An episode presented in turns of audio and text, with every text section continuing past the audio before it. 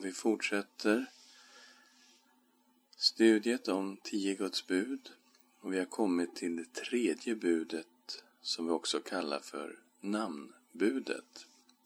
Låt oss be. Tack gode Gud för ditt ord. Tack Herre att det är du som talar till oss genom ordet. Verka, o Gud, med din Ande. Öppna våra sinnen. I Jesu namn. Amen. Namnbudet lyder Du ska inte missbruka Herrens, din Guds, namn. Ty Herren ska inte låta den bli ostraffad som missbrukar hans namn. Andra Mosebok kapitel 20, vers 7. Herren var verkligen en unik Gud. Han var den enda guden. Han var skaparen av allt, men ändå inte en del av sin skapelse. Han fick inte avbildas.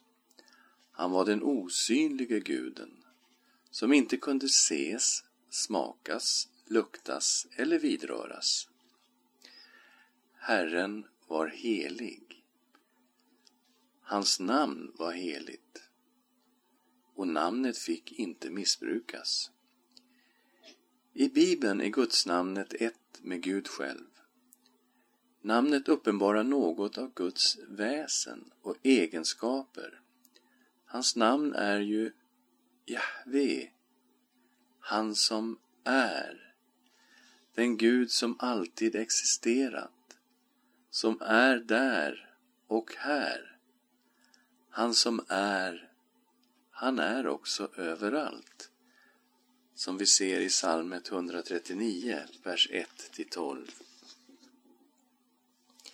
Herre, du utransakar mig och känner mig. Om jag sitter eller står vet du det. Du förstår mina tankar fjärran ifrån. Om jag går eller ligger utforskar du det. Med alla mina vägar är du förtrogen. Innan ett ord är på min tunga vet du, Herre, allt om det. Du omsluter mig på alla sidor och håller mig i din hand. En sådan kunskap är mig alltför underbar. Den är så hög att jag ej kan förstå den. Vart ska jag gå för din ande? Vart ska jag fly för ditt ansikte? Om jag far upp till himlen är du där. Bäddar jag åt mig i dödsriket är du där. Tar jag morgonrodnadens vingar, gör mig en boning ytterst i havet, ska också där din hand leda mig och din högra hand fatta mig. Om jag säger må mörker falla över mig och ljuset bli natt omkring mig, så är inte mörkret mörkt för dig. Natten ska lysa som dagen och mörkret vara som ljuset. Vilken underbar psalm. Gud är skaparen och på något sätt finns hans namn uppenbarat i skapelsen. I psalm 8 har vi en inramning av psalmen där första och sista versen handlar om Guds namn. Guds namn som är härligt. Och innehållet i salmen beskriver olika delar av skapelsen och någonting av härligheten i skapelsen. Men eftersom första och sista versen handlar om namnet så förstår vi då också att i Guds skapelse finns någonting av Guds härlighet uppenbarat. Psalm 8 Herre vår Herre, hur härligt är inte ditt namn över hela jorden. Du som har satt ditt majestät på himlen. Av barns och spädbarns mun har du upprättat en makt. För dina ovänners skull, till att förgöra fiende och hämnare. När jag ser din himmel, dina fingrars verk, månen och stjärnorna som du har skapat, vad är då en människa eftersom du tänker på henne? En människoson eftersom du tar dig an honom?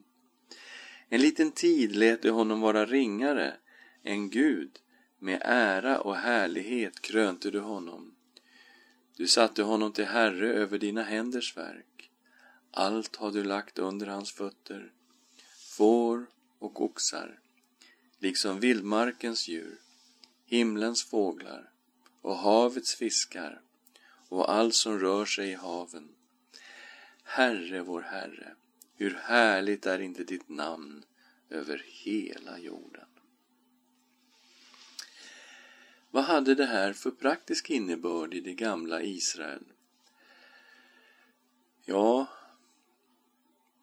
det var ett förbud att missbruka det heliga gudsnamnet. Till exempel att ljuga under ed. För just när man avlade en ed så svor man ju på något sätt vid Herrens namn. Och det här ser vi ju att det skulle kunna missbrukas om man, om man eh, ljög under ed, alltså begick mened. Tredje Mosebok kapitel 19 och vers 12.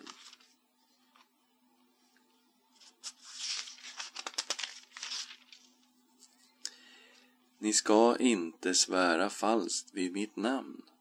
Då ohelgar du din Guds namn. Jag är Herren.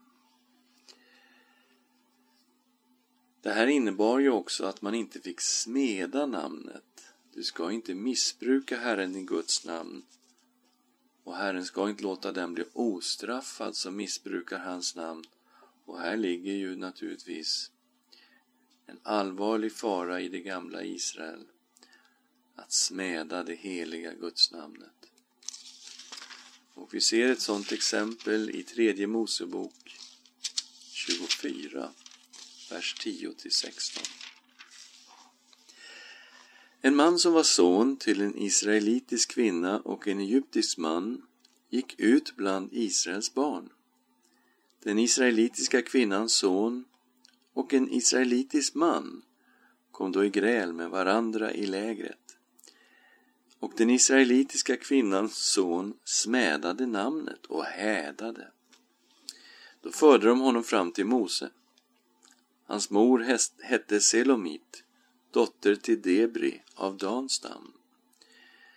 De satte honom i förvar för att få ett bestämt uttalande från Herrens mun. Och Herren sa till Mose för ut hädaren utanför lägret. Sedan ska alla som hörde hädelsen lägga sina händer på hans huvud och hela menigheten ska stena honom. Till Israels barn ska du säga, om någon hädar sin Gud kommer han att bära på synd. Och den som smedar Herrens namn ska straffas med döden. Hela menigheten ska stena honom vare sig det är en främling som smedar namnet eller en som är född i landet skall han dödas. Budet var också riktat mot skenhelighet på så sätt att om man påstod att man var trogen Herren men ändå levde i synd mot hans bud, då vanhelgade man ju Herrens heliga namn. Och det här ser vi till exempel i Hesekiel 36, vers 16 till 21. Hesekiel 36, vers 16. Herrens ord kom till mig, han sa, Du människobarn, när Israels folk ännu bodde i sitt land orenade det det genom sitt sätt att vara och sina gärningar. Som en kvinnas orenhet var deras sätt att vara för mig. Då utgöt jag min vrede över dem för det blods skull som de hade utgjutit över landet, därför att de hade orenat det med sina avgudar. Jag spred ut dem bland hedna folken och de skingrades i länderna. Efter deras sätt att vara och deras gärningar dömde jag dem. Men vart de än kom till hedna folken Ärade de mitt heliga namn. Man sa om dem, detta är Herrens folk, och ändå måste de lämna sitt land. Då vill jag skona mitt heliga namn, som Israels folk vanärade bland de folk de kom till. I Israel upphörde man i gammaltestamentlig tid att överhuvudtaget uttala det heliga gudsnamnet av fruktan för att missbruka Jahves heliga namn och istället så sa man Adonai. Varje gång man läste bibeltexten så kom man till Jahve och då sa man istället Adonai, det vill säga Herren. På Jesu tid, hur var det då? Ja, bland judarna på Jesu tid var det otänkbart att uttala det heliga gudsnamnet. Vad de troende judarna försökte göra var att helga gudsnamnet, precis som Jesus lärde i bönen Fader vår. Helgat var det ditt namn. Matteus 6, vers 9. Evangelierna visar ju gång på gång att Jesus talar med gudomlig auktoritet när han hänvisar till sig själv. Ni har hört att det är sagt, men jag säger er. Han inbjöd människor att lyssna till honom, att lära av honom, komma till honom och höra hans ord och hålla hans bud och ta på sig hans ok och att den börda han lägger på axlarna är lätt. Matteus 11, 25-30 Jesus uppmanar sina lärjungar att be i hans namn, tala och handla i hans namn. Och i Apostlagärningarna så läser vi att det var just det som hände. Lärjungarna handlade, predikade och döpte i Jesu namn. Och det här är intressant. Vi kommer till Apostlagärningarna kapitel 2, det är på pingstdagen. Och människor känner sig träffade av Petrus predikan. Vers 37. När de hörde detta högg det till i hjärtat på dem, och de frågade Petrus och de andra apostlarna bröder, vad ska vi göra? Petrus svarade dem, omvänd er och låt er alla döpas i Jesu Kristi namn, så att era synder blir förlåtna. Då ska ni få den heliga Ande som gåva. Ty er gäller löftet och era barn och alla dem som är långt borta, så många som Herren vår Gud kallar. I tredje kapitlet går Petrus och Johannes upp till templet för att be.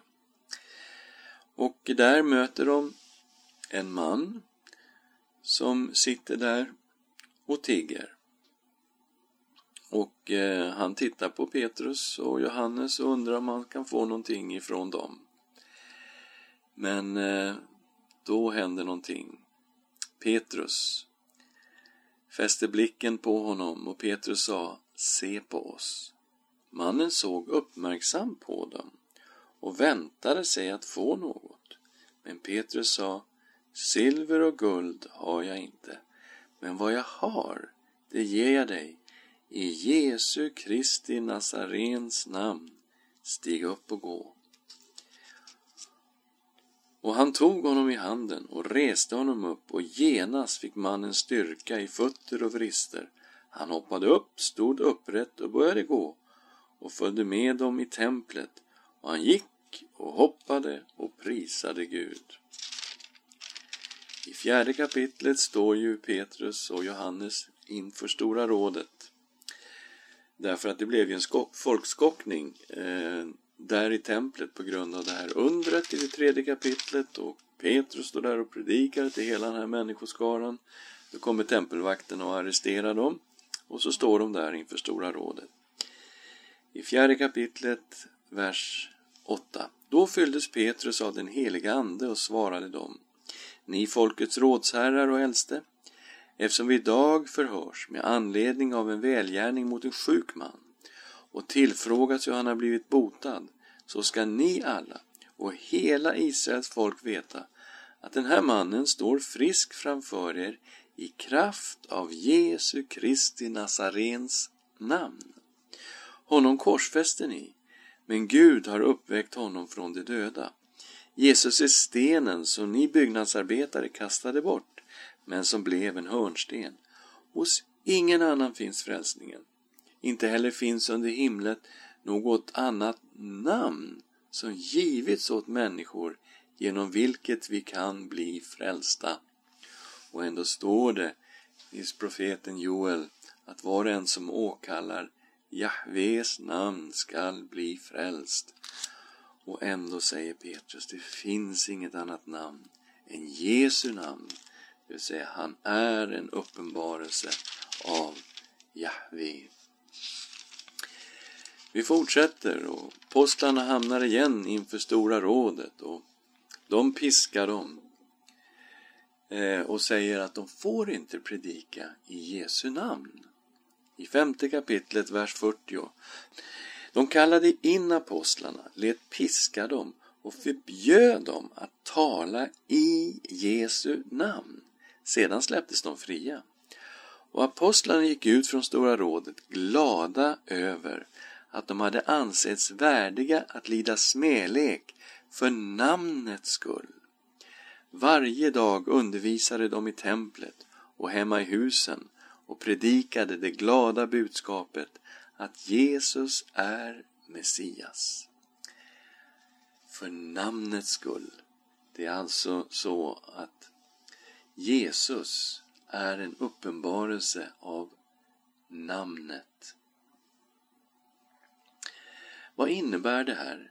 Ja, det innebär att Gud har uppenbarat sig i sin son Jesus Kristus och att han är identisk med det heliga gudsnamnet. Allt vad Jesus gjorde och sade var en uppenbarelse av det heliga gudsnamnet. Precis som han säger i sin bön i Johannes 17. Han ber till Fadern. Vers 6 och 7. Jag har uppenbarat ditt namn för de människor som du har tagit ut ur världen och gett mig. Det var dina och du har gett dem åt mig och de har hållit fast vid ditt ord. Nu har de förstått att allt vad du har gett mig kommer från dig.